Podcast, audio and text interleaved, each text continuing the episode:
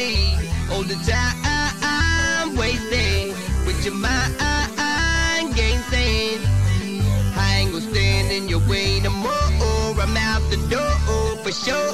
Time to clear the air with and What up Peppe, hur är läget? Det är bra Magnus. Fick du bra vibe? Jag fick så bra Ja, vibe. berätta varför. För det är ju Lasse, alltså, Mm. Red Drama, som eh, bland annat spelar på vårt bröllop. Ja. Han har ju sedan dess, kanske på grund av det, haft en kometkarriär. Ja, det var där allt började. Det var där allting började. Sen blev han väl någon domare i typ någon så här finska The Voice Ja. eller någonting sånt. Jag kommer inte, jag vet inte riktigt. Men eh, good for him. Alltså all kärlek till Lasse. Shout out till Lasse. Mitt första möte med eh, finsk hiphop gick igenom Lasse, alltså inte för att han rekommenderade utan för att han var rekommendationen. Ja. Så att säga. Ja. Att man skulle lyssna på en skiva som jag typ tror inte går att hitta på Spotify längre, men som faktiskt är Okej, med reservation för att jag inte har hört den på länge, men skitbra. Ja, jag tycker också det. Eftersom jag ju är finländare och Ja. finlandssvensk så är ju Lasse... Lasse är finlandssvensk. Ja, och han är ju kusin till en kompis. Så Just vi det. kände varandra... Vi har känt varandra länge. Ni har känt varandra sedan krubban. Nästan. Hörru, anledningen till att jag spelar den här låten är egentligen inte för att vi ska prata om Lasse, även fast Lasse Det förtjänar... var bröllopsdag. Även fast Lasse, grattis på bröllopsdagen, även fast Lasse är värd att pratas om, utan för titeln på den här låten. Kommer du ihåg den? Nej, Uh, Music är den. Och en annan person som har gjort en låt som heter Music är Madonna. bra övergång. Märks att du jobbar på radio, Magnus. ja, verkligen. Och eh, Madonna skakade ju om TikTok när hon eh, gjorde en video som antyder att hon är gay. Jaha, Har du missat det? ja. Jag följer ju ändå Madonna på TikTok. Men inte så noggrant. då. Tydligen inte. Nej, för jag följer inte ens och jag har träffats av den här nyheten. Jaha, berätta. Hon hade en video där hon eh, står med ett par, jag tror att det är ett par underbyxor, eh, och så säger hon så här, om jag missar papperskorgen så är jag gay. Och så tydligt missar hon papperskorgen.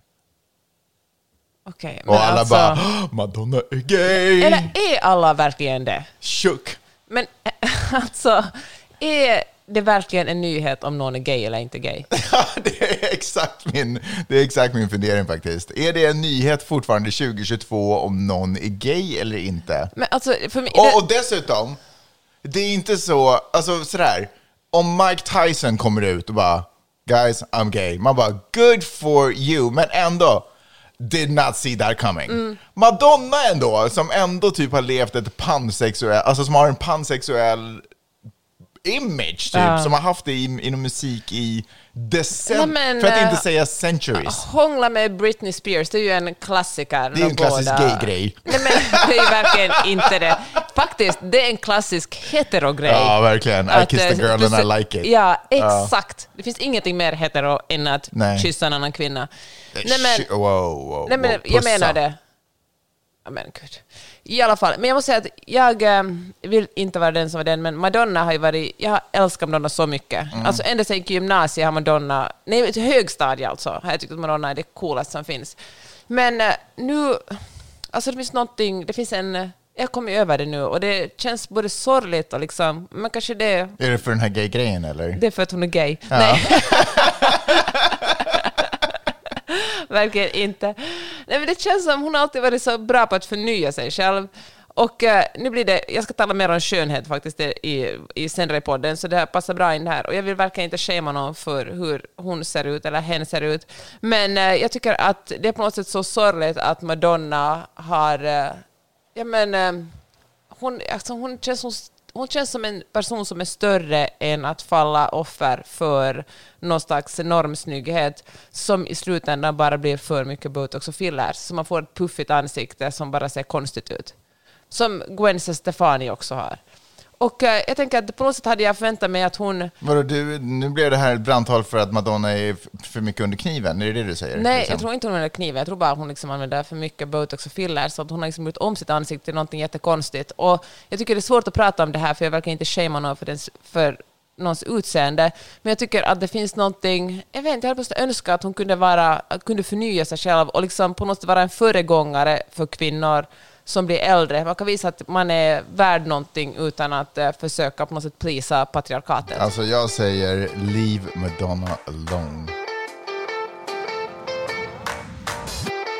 Du lyssnar på Magnus och Peppes podcast.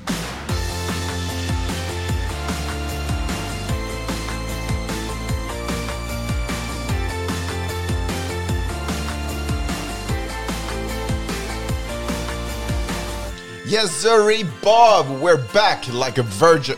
Wait, ja, det kanske, det går inte riktigt ihop. Skitsamma, vi är i alla fall tillbaka i era öron. Podden ni har längtat efter i ungefär en vecka.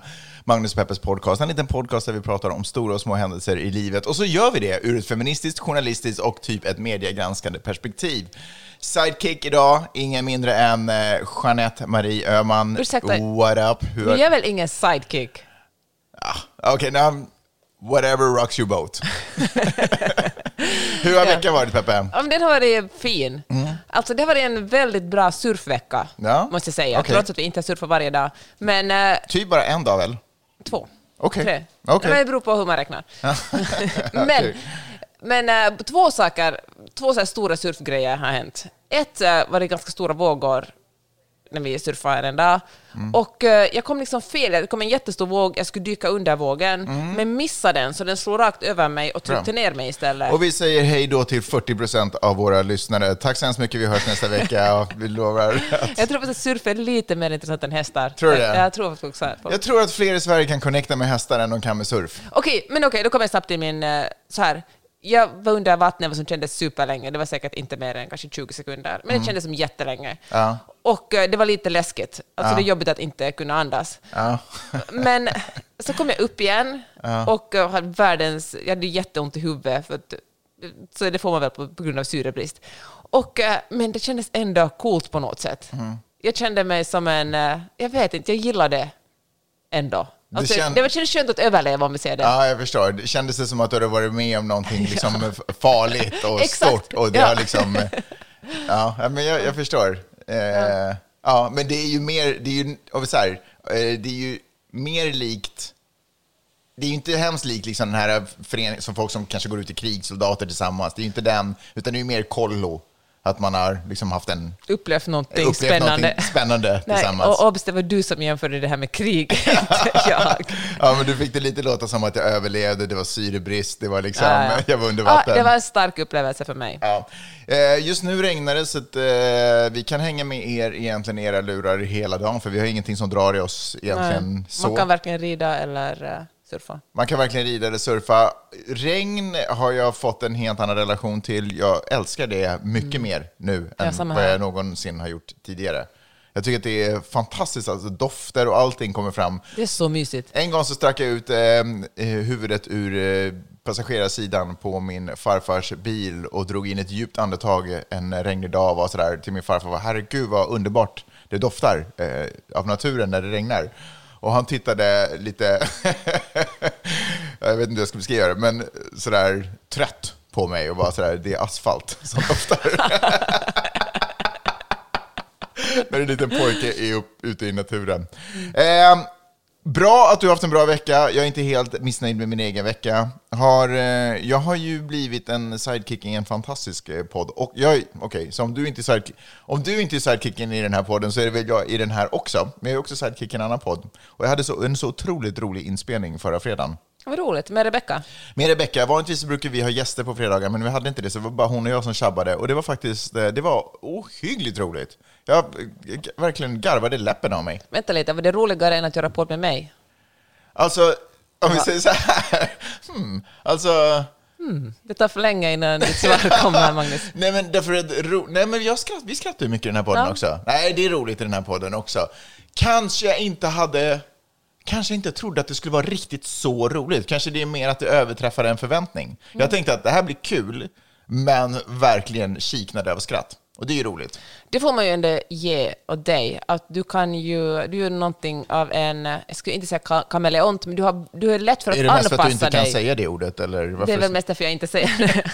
Nej, men du har ju lätt för att anpassa dig till olika poddar och Ja. situationer. Du kan vara sådär att okej, Alltså jag är trevlig. nu gör vi en, lä- Ja. en lättsinnig kul podd. Ja. Eller nu har vi ett, en, nu det här är en, en rolig, skrattig diskussion och. Och eh, så bara anpassar du Eller dig. nu är det här en viktig samtalspodd. Ja, och sen gör du det. Ja. Det får man ändå beundra dig för. Ja, jag måste säga att det finns ju poddar som jag gör bättre än andra. Eh, och det är väl bara, men det har väl lite med IQ att göra också, så det är inte så mycket att... Vad betyder det? Jag menar, jag menar att jag kanske inte är superbra på de- här eh, liksom, faktabaserade poddarna, som de här till exempel. Ja. skitsamma, jag gör mitt bästa som jag tänker att alla andra också gör, vilket är faktiskt någonting jag tänkte vi skulle prata lite om senare Okej. i den här podden. Men eh, nu tycker jag vi kör. Jag läste häromdagen att Brad Pitt kommer ut med en ny eh, hudvårdsserie. Mm. Eller inte en ny, utan en hudvårdsserie. Oj, äntligen! Ja, det har man ju längtat efter. Ja, verkligen. Vem vill inte se ut som Brad Pitt? Verkligen. Och jag vet ju att det är så när kändisar kommer ut med eh, produkter, vad det än är, så är det, om man köper den produkten, då får man en del av deras själ och hens blir lite som dem. Precis så är det.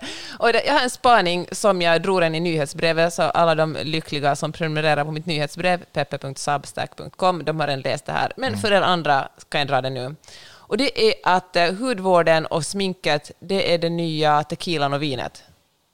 För några år sedan... Nej, vänta nu, det Vänta. måste väl vara tvärtom? Nej, för några år sedan då hade ju alla sina signaturviner. Man var sådär att åh, köp det här rosévinet som vi har tagit fram tillsammans med den här vingården. Ja. Eller, eh, alltså, eller då en tequila som Brad Pitt väl hade och som, eh, fan heter han nu, Eh, han som är bisexuell och spelar i Oceans Eleven och är supersnygg och, Madonna. är, och är ihop med Amal, den där superjuristen. Alltså, Men George. Clooney, Jaha, okej. herregud. Ja. I alla fall, så, ja, men de hade ju alla tequila som de tryckte på. Men eftersom ungdomar dricker allt mindre, alltså trenden går ju att man inte dricker alkohol, utan man gör någonting annat, svampar eller weed eller, Mm. eller vad vet jag, så tror jag inte att det är en... eh, Man ska här- bygga en framtid på det. Det, alltså, du vet det här när man säger att man, du är vad du äter, så man har druckit som svampar och hens. Jättebra, Måns. Ja. I alla fall. Så alkoholen kommer att inte sälja lika mycket, men det som verkligen säljer är smink och hudvård. Det är alltså en industri som bara växer och växer och man räknar med att eh, den ska växa ytterligare. Alltså med eh, vissa undersökningar säger med 5 procent till 2028, andra säger med 9 procent. Alltså det är en enorm.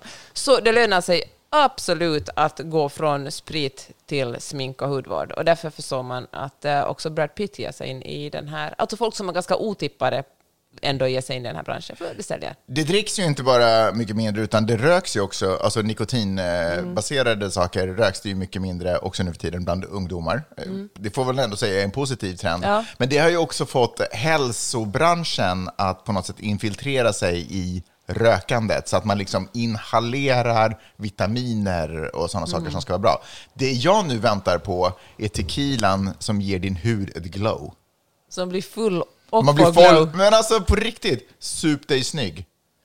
Okej, jag tror faktiskt att det är just din, jag tror din generation är den enda som längtar efter det. Ja, ja, men det är ju ändå, jag tänker att det är ändå en 30-40 år kvar av business för oss. Ja, kanske det. Hur som helst tänker jag väldigt mycket på skönhet och hudvård och hur eh, enormt mycket pengar kvinnor lägger ner på det. Och jag vet att jag har dragit det här förut i podden, men jag tänker säga det en gång till för att, för att jag, ja, men jag tycker det bara eskalerar hur man ska se ut. Och, eh, eller att man ska vara snygg. Jag läste också en undersökning som visar att kvinnor som anstränger sig, inte nödvändigtvis kvinnor som är objektivt normsnygga, men kvinnor som fixar håret och fixar huden och liksom lägger ner mycket pengar och så det syns på sitt utseende, Är lyckligare. får mer betalt i USA. Jag tror jag är osäker Ja, om de är lyckligare. är lyckligare. Ja, för pengar korrelerar ju med lycka. Japp. Nej, men alltså pengar är ju åtminstone någon form av trygghet, speciellt just nu där liksom ekonomin är skakig. Hur som helst. Och eh, det här drog man slutsatsen i den här forskningen till att de kvinnor som, eh, att kvinnor, eh, eller att de får mer betalt eftersom vi lever i ett patriarkat och det visar sig att de här kvinnorna är mer benägna att böja sig för patriarkatet. De, de upplevs vara medgörligare och trevligare att ha att göra med eftersom de anpassar sig efter rådande normer som är att kvinnor ska vara snygga och ta väl hand om sig. Då får de mer betalt. Men kvinnor som kommer lite rufsiga, osminkade, ofixade till jobbet upplevs vara lite besvärliga och jobbiga att ha att göra med och därför får de lite mindre betalt. Superintressant Om man inte är Billie Eilish. Ja, fast Billie Eilish, hon har ju också poserat. Alltså, fan, eh, ja...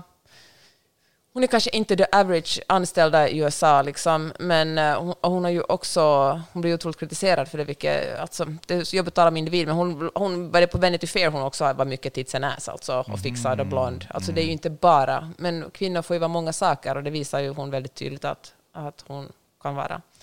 Hur som helst, så um, ja, och jag tycker, det tänker jag mycket på för att, eh, att man ska gå omkring och vara så, lägga ner så otroligt mycket pengar på att vara snygg är väldigt tråkigt eftersom kvinnor fortfarande tjänar mindre än män. Män förväntas lägga mer tid och mer pengar på att vara snygga. Man, kanske in, eller man kan ju säga att man investerar i det också, men det finns ändå någonting som är väldigt eh, tråkigt. Och det som jag också tycker upplever att är... Men förlåt, men slår Brad Pitt då ett eh, slag för jämställdheten, att han då försöker uppmuntra män att också lägga ner lite pengar på sin hud och utseende?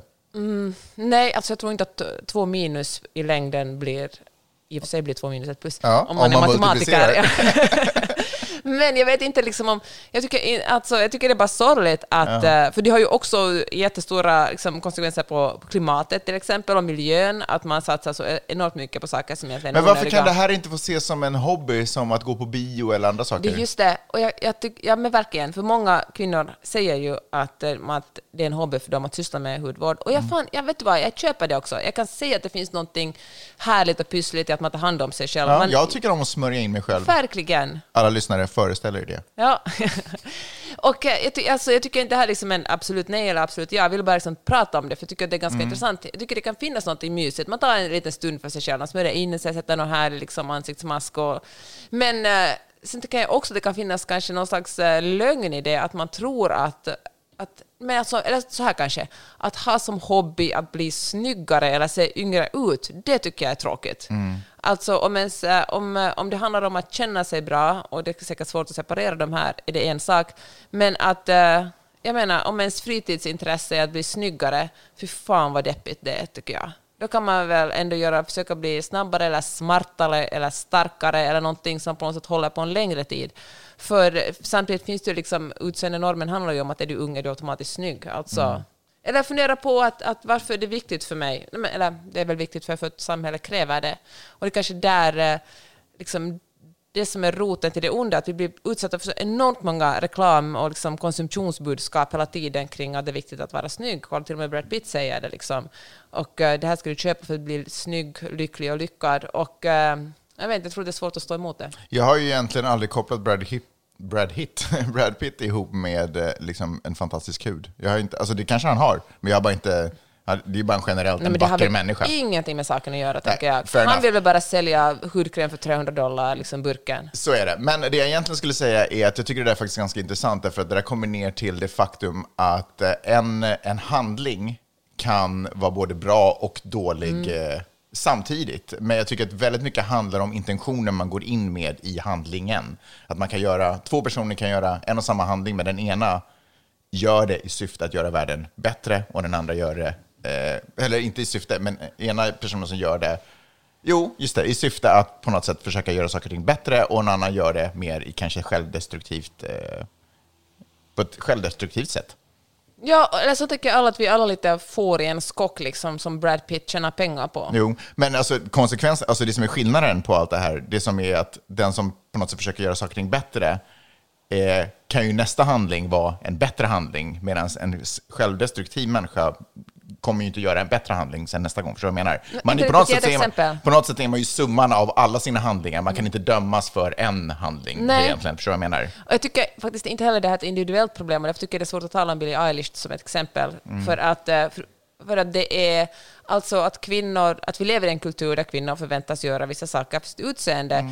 Det är svårt att som individ stå emot det. Ja. Nej, men ett exempel är att en, en person eh, tycker om att, eh, inte vet jag, smörja in sina axlar eller smörja in sin kropp, och, den, och sen, men går också i skolan och fattar också ett beslut att vilja Ja. utbilda sig till, inte fan vet jag, något bra liksom, som kan föra livet. Medan den andra gör samma insmörjning av sina axlar och sen går och köper en Chanel-väska för att det är en del av den resan. Förstår du vad jag menar? Att Ja, liksom- men då menar jag inte liksom att det är en förkastlig handling att smörja in sig och köpa en Chanel-väska. Jag tänker bara att man måste förstå varför man gör det. Gör man det på grund av att eh, man tror att det är så en lyckad människa gör, när man egentligen bara ger pengar åt folk som vill tjäna pengar på det här. Försöker Alltså- man kopiera en lycka eller försöker man liksom skapa sin egen? Är det det du menar? Exakt, försöker man, tror man att man blir lycklig och tror man att det är något man ska göra när man egentligen bara har fallit offer för liksom, konsumtionshets, för det är ju alltid någon som i längden tjänar otroligt mycket pengar på det. Alltså det är inte så att en Chanel-väska är värd, alltså det symbolvärde i en Chanel-väska är värd det som man betalar för den, men att producera en sån väska är inte värt det. Och då är det ju någon som tjänar på den på längre, och det, i längden. Och detsamma gäller Brad Pitts hudvård, alltså symbolvärde i att köpa den är värd, för det är Brad Pitts uh, hudvårdsserie, eller Gwyneth Paltrows eller vem som helst annan. Men eh, alltså själva effekten av den är säkert knappast bättre än det du köper på apoteket. Men eh, jag skulle kunna tänka mig lite pit cream. Du förtjänar det, Magnus. Får jag titta lite på svensk politik eh, ett litet ögonblick? Ja.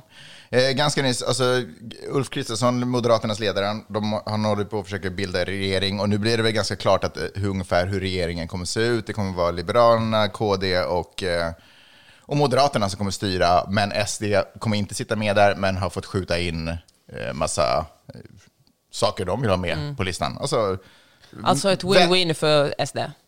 ett win-win för SD verkligen. De får igenom väl typ vad som verkar vara allting de tycker om Men de behöver inte och- ta ansvar för det. Nej, eh, egentligen så är det väl de andra partierna som måste ta ansvar Mm, för, för SDs... Eh, eh, det kallas ju för... Eh, fan, nu ska jag se om jag hittar. Det kallas för Tidöavtalet, vilket är ju roligt för Tidö slott är kanske en av de mest så här, fina slott vi har i Sverige. Så jag kan verkligen se hur partiledarna samlas på Tidö slott och för att starta en ny resa för Sverige. Eh, men en, det som jag egentligen skulle vilja lyfta upp som jag tycker är så ledsamt och kanske det här inte är Ehm, kanske inte den här regeringsbildningen har patent på det här ordvalet och det här språket. Det här är ju mer en populistisk sätt att prata om det, nämligen att en av de saker som utmärker det här och Tidöavtalet är att det ska löna sig att arbeta. Den här formuleringen har jag hört ganska ofta eh, i så här populistiska sammanhang, att det ska löna sig att arbeta, som ger en signal på att just nu så lönar det sig inte att arbeta, vilket uppmuntrar folk att utnyttja systemet. Och jag tycker att det är så otroligt, eller sådär, det beskriver väl, det är väl egentligen den filosofiska skillnaden mellan det, det vi idag ser i Sverige, den blåa sidan och den röda sidan. Att den blåa sidan har en tendens att se den, det individen, alltså det jag, som, jag gör, som är på de, den blåa sidan, det är att jag kämpar hårt och jag jobbar och allting annat jag ser runt omkring mig är folk som fuskar. Och jag är liksom den enda som gör någonting bra här.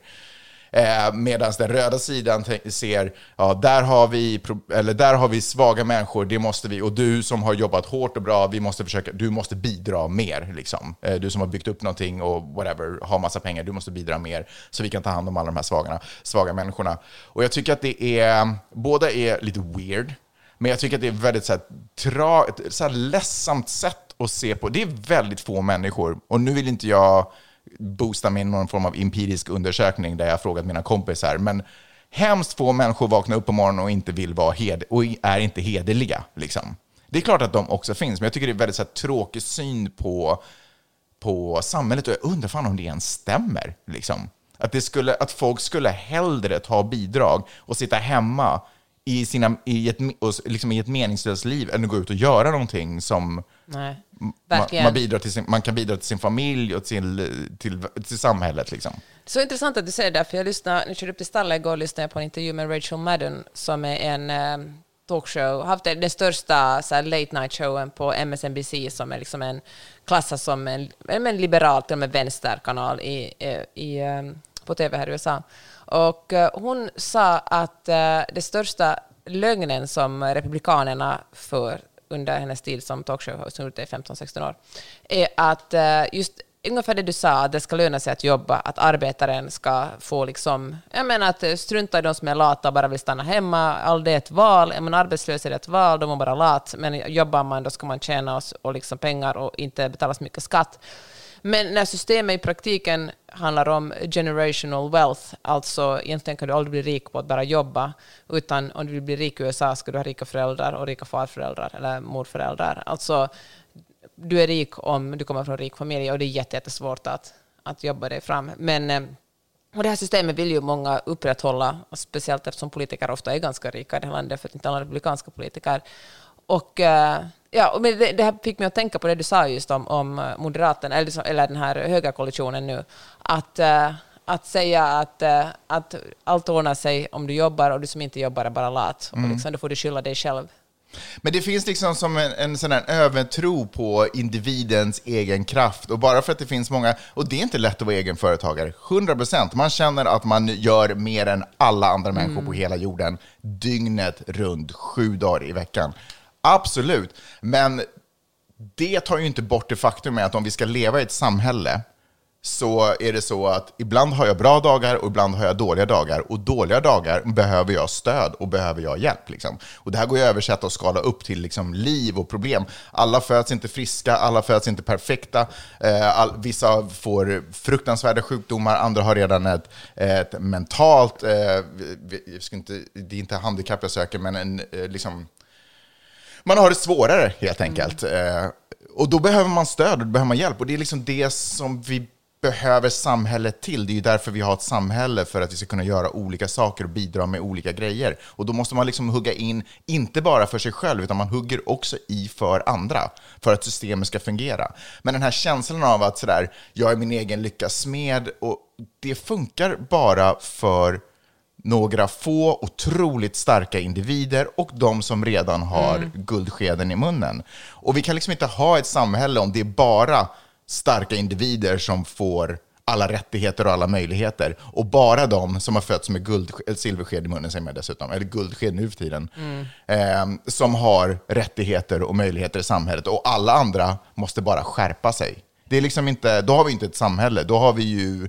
ett eh, ja, men då, då går vi ju tillbaka till nästan vad heter det, feodala system där det liksom är en uttalad elit som bara får åtnjuta ja, bra saker hela tiden. Men så är det ju nästan, det är ditåt vi rör oss.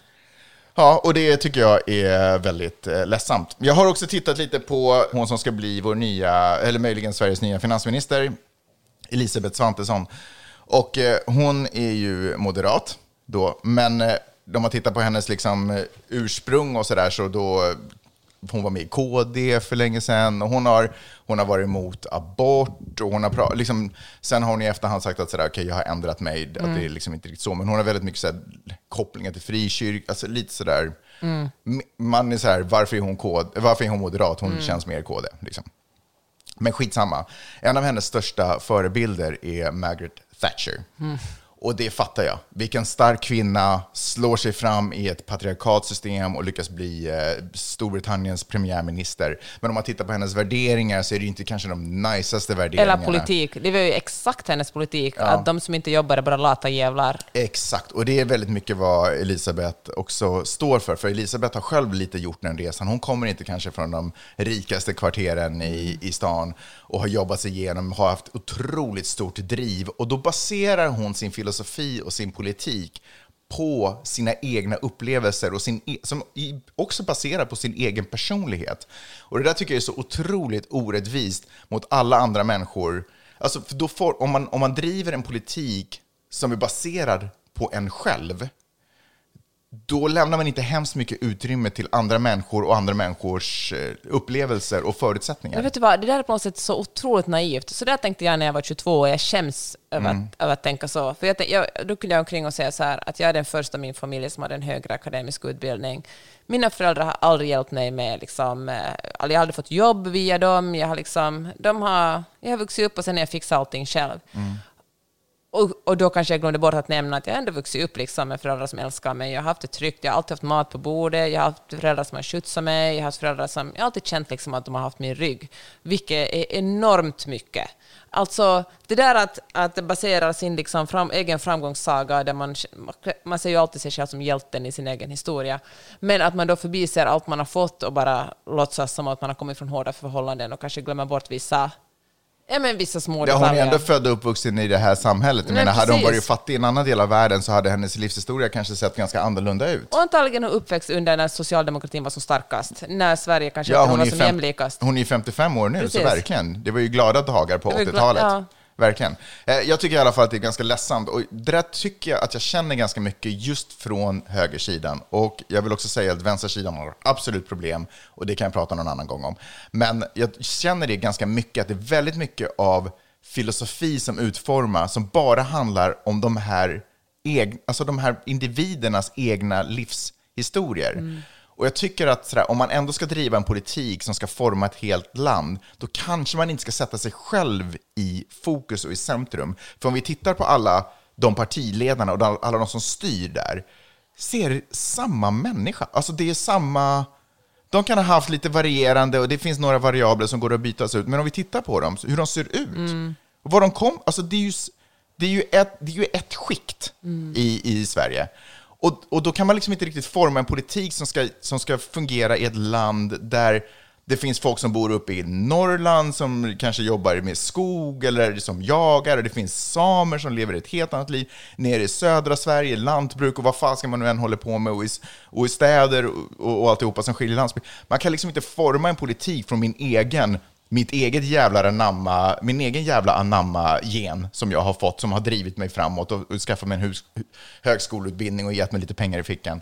Jag kan liksom inte forma en politik och en filosofi som ska täcka in alla de här människorna. Man måste liksom ha lite dem Nej, i ens jobb är ju åtanke. att representera de som röstar på en, inte att representera sig själv. Men jag har, alltid, jag har väldigt svårt att förstå att sådär, om vi är en grupp människor, att man inte börjar med, okej, vad är den svagaste länken? Hur kan vi lyfta upp den länken så att den är på samma nivå så att vi alla kan axa upp? Jag det förstår därför inte- du inte är höger. Eh, Jag är ju egentligen, jag är absolut inte höger, men jag är inte så vänster som man skulle kunna tro. Det är bara det att när jag hör högerpolitiker argumentera så, må, så känns det som att jag måste argumentera mycket, mycket mer vänster än vad jag egentligen någonstans själv står. Ja, det var bara en snabb uppdatering om vad som händer i Sverige. För någon vecka sedan så träffade vi våra kompisar i en park och uh, lät våra barn leka. Och det är ju goda vänner till oss som är politiskt på en ganska annan plats. Men jag tycker alltid det är uppfriskande att uh, prata med dem. Och uh, då började vi tala liksom om, om uh, transpersoner och, och kom ganska fort fram till att vi tycker ganska olika om vad man får prata med barn om och om det är okej att vara trans eller inte. Och, och då faktiskt, då säger jag så här att Gud, jag, nu, för att citera mig själv. Nej, men då, då säger så här att, att jag tror faktiskt att man kommer att se på diskussionen kring transpersoner om 20 år som man i USA såg på diskussionen kring homosexuella för 20 år sedan. Och jag tror faktiskt att, att den ena av våra kompisar förstod vad jag menar, att hon kanske funderade på saken. Hur som helst, då började de tala om något som heter furries. Och de sa att, och jämförde med transpersoner, att nu räcker det inte med att liksom killar vill bli tjejer och tjejer vill bli killar, utan nu vill också barn bli djur. Och det har lett till att flera skolor i USA har, har, låter eh, barnen prata genom att skälla eller jama och att man har sån här vad heter det, så här katt, Kattsandlåda. kattsandlådor utanför klassrummen, ja. ja. där barnen kan utföra sina behov. Och eh, när de sa det här tyck, kände jag mig jättedum, för jag hade aldrig hört talas om det. Det lät ju jättekonstigt. Och eh, det visade sig Jag sen... trodde furries var en sexuell fetisch. Det, kanske också, det är säkert också det. Om, nu när du sa det så är det det. Du vet. Och det finns Mm. Jaha, ja, jag förstår. Bara för ja. att jag sa det så uppfanns det. Ja. Okej, jag förstår. Och, eh, eller om du kom på det så har någon gjort porr på det redan. Mm. Det finns väl en regel som heter så. Och eh, ja, men i alla fall, men då kollade, det visade sig att en, en, eh, en politiker, en republikansk politiker i Nebraska som myntade det här. Och han höll ett tal och så sa han det att nu för tiden, det var snack om transpersoner, då sa han det här, hittade han bara på någonting där han sa att det finns det barn som klär ut sig till djur, katter, hundar och kissar i kattsandlådor. Och, och eh, sen lite senare blev han konfronterad och sa att nej, men det hittade jag bara på, det var bara en jämförelse. Men den här, eh, det han sa, han ändå sprider sig. Alltså ingenting är så snabbt som en lögn. Det bara trutt, så tyckte, tog sig upp av så här höger eh, radioprofiler och podcastare på höger. Jag tror Joe Rogan till och med pratade om det. Och det insåg jag att det var där våra kompisar hade fört, hört om det för första gången. Och eh, så nu är det här en sanning. I, nu liksom jämför man eh, transbarn med folk Furries. Som, med furries som inte ens existerar.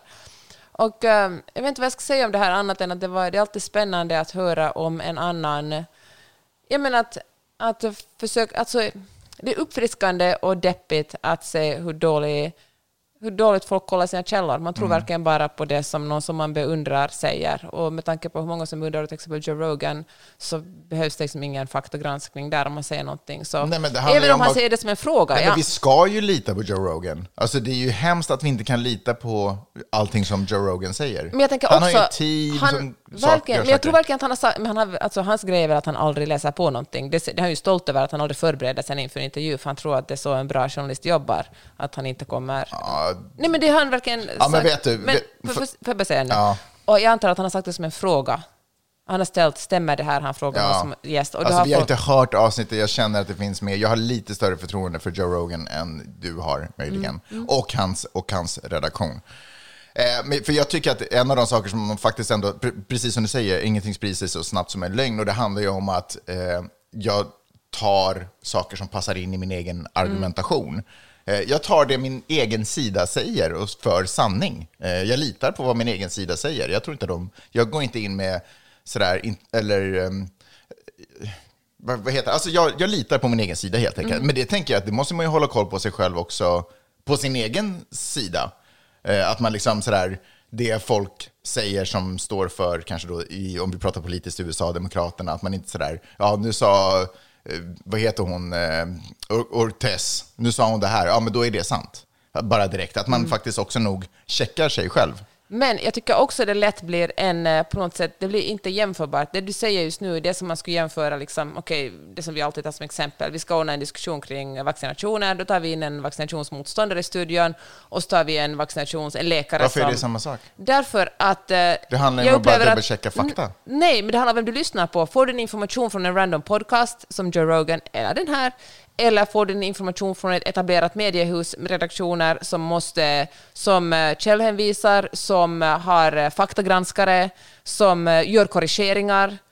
Det är en jävligt stor skillnad att få din information därifrån eller att få din information från någon random underhållare. Vare sig det är Tucker Carlson eller en politiker. Klart som fan att politiker talar för sin egen sak. De är liksom... Det är väl alltså, måste ju, alltså därför har vi journalistik, för att sådana här kommentarer ska filtreras genom någon som faktagranskar dem. Och jag tycker att det blir orättvist om man säger att ja, men du lyssnar ju på vänsterpolitiker. Nej, ja, alltså, om man är ofta, alltså Demokraterna har enormt mycket större förtroende för media än Republikanerna. Alltså eftersom bland annat Donald Trump har gjort en jättebra kampanj i att man inte kan lita på journalister. Och det tycker ju våra kompisar till exempel, att det inte, alltså man, de litar inte på journalister, men de in, litar på enskilda personer, som Tucker Carlson, Donald Trump, Joe Rogan och andra. Det är sagt att eh, Joe Rogan inte är republikan, men i alla fall. Mm. Man har idoler som inte kan göra någonting fel, allt de säger är sant. Medan Eller som demokraterna... man litar på när de Ja. säger saker. Men det är ju därför som influencermedia är så, influencers är så effektiva Mm. också när det kommer till konsumtion, eftersom man, man tror, det är någon som man beundrar och som man tycker är snygg Mm. och smart, och då köper man det som den rekommenderar. Men, men då vill jag bara säga att, eh, att då har liksom Demokraterna en lit, ett lite större, större förtroende mot journalistik, och därför är det en större sannolikhet att Demokraterna får sin information från faktagranskad journalistik än från enskilda personer. Okej, jag har en, en grej om TikTok. Okej. Eh, Medelmänniskan, personen i USA, måste vara under 60, men i alla fall kollar 80 minuter om dagen på TikTok. Oj. Det är väl ändå jätte, jättemycket. Det är mer än... eh, man- Speciellt som medelklippet kanske är på 20 sekunder. Ja. Eller något sånt. Det är jäkligt mycket medel, eller med, klipp Ja, det är mycket scroll. Ja. Och eh, det är liksom mer än dubbelt så mycket än vad man kollar på Instagram och Facebook tillsammans. Så inte så konstigt att Zuckerberg satsar jättemycket på the metaverse och försöker få ett nytt sätt att, att få människor engagerade. För Facebook går ju bara ner. Ingen nyhet, men det liksom, den sjunker hela tiden, tiden man tillbringar på Facebook. Vilket också man förstår eftersom man tycker bara sämre om människor som syns på Facebook vanligtvis. Alltså när jag är inne på Facebook känner jag bara, "Ugh, jag tycker om dig på riktigt, men varför publicerar du sån här shit? Hur som helst, tycker jag, jag läste en jätteintressant analys som sa att nu har vi nästan gått varvet runt, för det som TikTok, Tik- TikTok egentligen är, är som TV. Alltså, man, när man ändå på någon mån på Instagram och absolut mer på Facebook interagerar, interagerar, det är liksom sociala medier där folk pratar med varandra, så handlar TikTok, det är ganska få, i proportion det är väldigt få som gör innehåll, och det finns några få som är jättestora, medan de flesta bara scrollar, gör inte själv någonting utan bara scrollar och tittar. Och i den här analysen så jämförde man det med kabel-tv, när man kollar liksom på tv och så bara flickar man igenom kanaler tills man hittar något som är intressant. Det är exakt som man är bara förbi, förbi, förbi. Enda problemet är att när man väl hittar någonting som är intressant på tv, då kan man ändå stanna där ett tag och kanske Ja. tillgodogöra sig någonting. Medan om man hittar någonting som är int- intressant på TikTok så är det redan slut. Ja, men verkligen, men då litar man på att algoritmen ger en mer av det. Plus fall, att allting man har scrollat har man ju redan tittat igenom flera, alltså man har ju redan avslutat massa, förstår du, du kan ju inte fastna och titta på någonting på TikTok.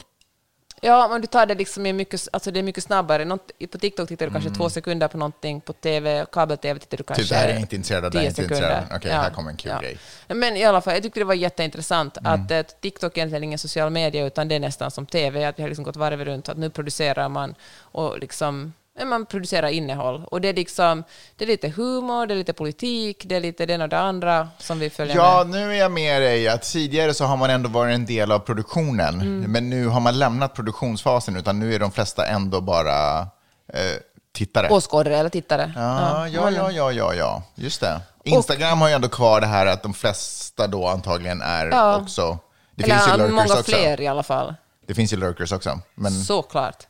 Men eh, det som också tycker jag är intressant är att eh, alltså, TikTok är så, det är så himla bero, beroendeframkallande eftersom algoritmerna är så otroligt bra. Alltså vet exakt vad du gillar och inte gillar. nej, de är värdelösa. Jag har typ slutat. Ja, men då får det stå för dig, för de resten av de allra, allra flesta. Medan, man, medan det ju, alltså, men det som också är för um, folk som producerar innehåll är det otroligt bra eftersom för att kunna bli stor på Instagram måste du, du måste nästan vara kändis redan. Om du ska komma in nu i Instagram-världen är det jättesvårt att börja från noll och bli, få jättemånga följare. Men algoritmen funkar i TikTok så att du verkligen kan vara en ingen idag och ha sex miljoner views och liksom någon miljon följare bara på en vecka. Liksom. Det kan gå supersnabbt. Och därför lockar det allt fler. Liksom, alltså de allra flesta händer, 99 procent händer det här inte, men det finns ändå en chans. Du har en chans som ingen att bli någon. Sen är ju saken, du kanske inte håller dig stor, för det kommer någon annan. Du, Och du kanske ännu inte är någon. Nej, eller du är alltid någon. Alla människor är värd. Alla människor är någon, Magnus. Ja, inte på Ja. sociala medier. Men, äh, men jag tycker det är intressant. Och sen det som vi talar om nästan varje vecka här, att TikTok är ju, då säger det här som en person som hänger mycket på TikTok, men det är ju liksom ägt, alltså ByteDance är ju kinesiskt. Och äh, folk som har jobbat på ByteDance säger att äh, por supuesto, så klart att äh, liksom vi, det läggs ut kinesisk propaganda och det är klart liksom att det är spionverktyg. Vad trodde ni? Medan TikTok själv bara förnekar att de ska hålla på med något sånt. De säger att de finns bara där för att äh, göra folk glada. Ja. Ja, och sälja grejer. Men eh, hur ska de kunna använda spionmaterial? Material, liksom vad, hur spion, alltså på vad mina rutiner och... Ja, vad du gillar, vad du inte gillar, vad du vad du inte går igång. liksom. Kartlägger. Och sen är det väl så att TikTok, eh, om du trycker på tacka ja till liksom användarvillkoren på TikTok, då får väl TikTok tillgång till flera andra appar liksom, Mm. och, och din telefon. Ingen orkar någonsin läsa igenom det. Så. Nej, herregud, verkligen inte. Vad Ja. kul! Det känns som att ändå... Det är en spännande värld vi lever i. Det kan man väl lugnt säga. Ja, Peppe. Hör du, med de goda nyheterna så tänker jag att vi rundar av idag. ja, Och eh, vad säger de om att vi hörs nästa vecka? det låter som en bra idé. Fan vad kul. Kom ihåg att uh, prenumerera på mitt nyhetsbrev. Absolut, men säg mer. Ja, men jag tror du skulle ta... Det är som, bättre om du säger det än om jag säger det. Eh, peppe, peppe, peppe at sub... Men herregud, nej, inte ens det fick du rätt.